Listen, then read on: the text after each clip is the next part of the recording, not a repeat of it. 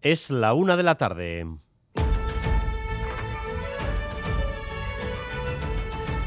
Crónica de Euskadi con Dani Álvarez. A Ratzaldeón, los tres principales sindicatos de la educación convocan hoy una huelga en la pública con la que pretenden mostrar su desacuerdo con el desarrollo de la nueva ley educativa.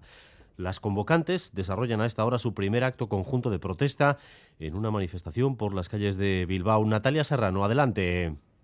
Sí, satisfacción aquí en el Arenal Bilbaíno, donde ha finalizado ya esa manifestación, aunque los últimos concentrados todavía se dispersan. Satisfacción en Estelas, en la ILAB, por el alto seguimiento de la huelga que cifran en un 60% y también por la respuesta de los trabajadores a esta manifestación contra el actual borrador de ley que dicen no garantiza una educación pública, euskaldún y propia. Felicitan a los trabajadores, pero también les emplazan a una próxima huelga el 14 de diciembre y no descartan nuevas si el borrador de ley no se reconduce. No son huelgas preventivas, ha dicho Nagori Turrioz en respuesta al gobierno vasco. Escuchamos a Iturrioz, secretaria general de que, no, queremos que se desacredite la voz de, de, las y los trabajadores a día de hoy. Estamos diciéndolo de forma firme y contundente. No estamos de acuerdo con este anteproyecto de ley. Por el mismo motivo, esta tarde volverán a salir a las calles en manifestación en las tres capitales vascas. El consejero Joaquín Vildarracha ha calificado este día como un día triste en el que se coarta la educación de los alumnos justamente en el sector educativo que más alumnado vulnerable tiene, el de la pública el de las familias que menos posibilidades tienen para conciliar en días así. En Boulevard, además, a primera hora de la mañana, a Nagore Iturrioz, la representante de Steilas, la escuchábamos también eh, justificando por qué la huelga es solo en la pública y no en la concertada. Admite que los únicos preocupados hasta ahora son los trabajadores de las escuelas públicas. Porque creemos que una preocupación más patente entre el profesorado de la pública, el ataque es más frontal a la escuela, a la escuela pública vasca. ¿no? También es cierto que toda la comunidad educativa está llamada y que podrá participar. Y esta es la voz, la que van a escuchar, la voz de Antón Arriola, desde hoy, nuevo presidente de Cuchabank.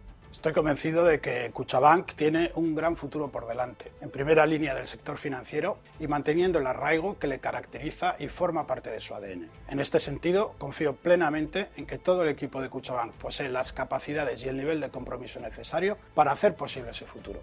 Ya lo oyen, mensaje en clave de futuro, mensaje que el banco ha enviado a los medios, así que de momento no hemos podido acceder a aclaraciones sobre algunos aspectos importantes como la posición de Cuchabán con respecto al límite a las hipotecas o el nuevo impuesto extraordinario a la banca. Y en el Congreso, la hostilidad verbal ha alcanzado hoy tal nivel que la presidenta de la Cámara, Merichel Batet, ha llamado al orden a la ministra Irene Montero por acusar al Partido Popular de fomentar las violaciones a mujeres. Ustedes promueven la cultura de la violación que pone en cuestión la credibilidad de las víctimas. Y miren, ustedes votan. Silencio, por favor. Señora ministra, esta presidencia considera que la expresión que ha utilizado no es adecuada en términos parlamentarios dirigida a un grupo parlamentario. Batet, por tanto, pone el listón a este nivel en el Congreso de los Diputados. Nerea Sarriegui, cuando llevamos además días hablando de violencia política por los comentarios de Vox contra la ministra y hasta ahora no había intervenido. Sí, el debate sube de tono y la muestra esta mañana es eso, las reiteradas llamadas al orden, al silencio, a retirar palabras, insultos que se han utilizado por parte de la presidenta, de parte de la presidenta de la Cámara, Merichel Batet. El momento más tenso se ha vivido con la ley del solo sí es sí como eje, pero desde ese instante y casi en cada intervención Batet ha tenido que intervenir. Era una petición de los grupos Esquerra, el PNV, H. Bildu, que la presidencia tomase más partido, insistiendo en que el Congreso no puede convertirse en un campo de batalla, pero pese a las llamadas al orden, hoy lo vuelve a ser.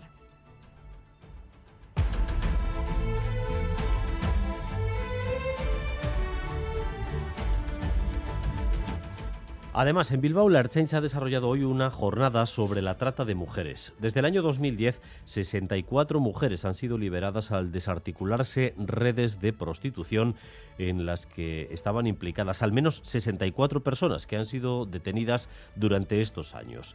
Kelly es una mujer a la que trajeron contra su voluntad desde Brasil para obligarla a prostituirse. Empiezo a prostituirme y enseguida veo que no, que no quiero, no quiero seguir, me he equivocado y les digo que quiero marcharme a casa. Gracias a vosotros, gracias a Jesús, a Juancho, que estuvieron conmigo en Victoria y me pasaron tarjeta con un número de teléfono.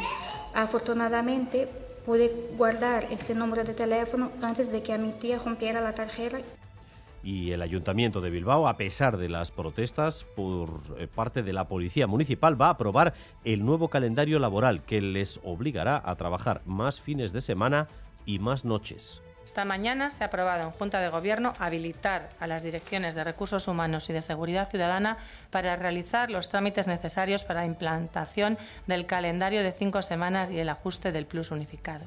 La negociación ni se ha roto ni se va a romper. La negociación sigue porque quedan muchos flecos pendientes de cómo aplicar ese calendario, con lo cual la negociación sigue abierta. Si esperamos a tener un acuerdo y el acuerdo se demora, seguiremos prestando un servicio deficitario, entonces tenemos que ir tomando también decisiones por la parte institucional y también van a escuchar cómo el Partido Nacionalista Vasco mantiene la puerta abierta, o mejor dicho, la pugna por los descuentos en el transporte público. Esta mañana, a primera hora en Boulevard y Chaso Atucha, y también el alcalde de Donostia, decían que este tema no está cerrado. De hecho, hoy el PNV va a preguntar a la ministra de Hacienda por los descuentos al transporte en el año 2023, pero la ministra se ha puesto enferma y la pregunta se ha tenido eh, que aplazar. Vuelven las acusaciones de irresponsabilidad eh, por la presión que los socialistas han ejercido en este tema. Irresponsables les ha llamado el alcalde Eneco Goya. Y además, hoy el nuevo disco de Sutagar presentado oficialmente.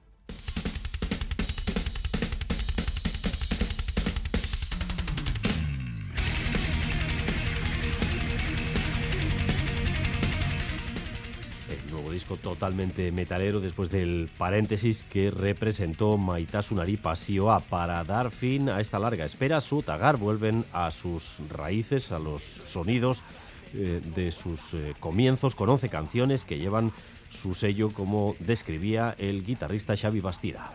Beti gure esentzia, baina igual gara gaurko taldieri gehiago ba, bai hartu referentzia ba, gure hasierako eragina sortzen ziguten taldetan eta zergaitik ez ba, gure eraginen pean saiatzen e, diska ataratzen, ez? Jaiotze baziti bat berriro ataratzea ezin izango zen, ba, bueno. baina bueno, bai saiatu gara esentzia hori bilatzen El disco estará disponible a partir del próximo 6 de diciembre en plataformas digitales y también en formato físico. Y vamos también con lo más destacado del deporte con Álvaro Fernández Cadierno. Arrachaldeón, Álvaro. Arrachaldeón, más allá de lo que nos dé de sí en la jornada en el Mundial de Qatar, dos citas importantes en pelota. En el Astelena de Ibar se cierra la primera jornada del Mano Parejas. Allí se van a ver las caras el Ordi Zabaleta ante el Ezcano y Tolosa, el Ezcano que sustituye al tocado Altuna. Y también tenemos baloncesto, Eurocup en Miribilla a las 8, Bilbao Basket y Goeca de Bosnia.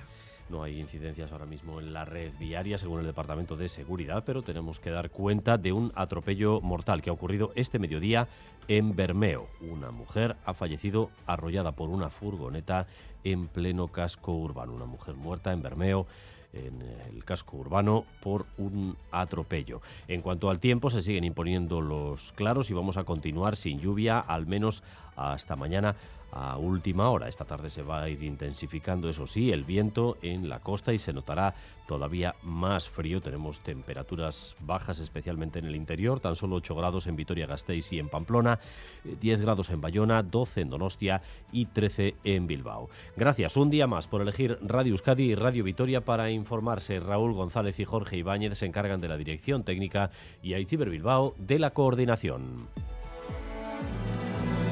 Este miércoles en Gambara, Pablo Echenique, el portavoz parlamentario de Unidas Podemos, a partir de las 8 de la tarde en Radio Euskadi. Gambara, con Arancha García.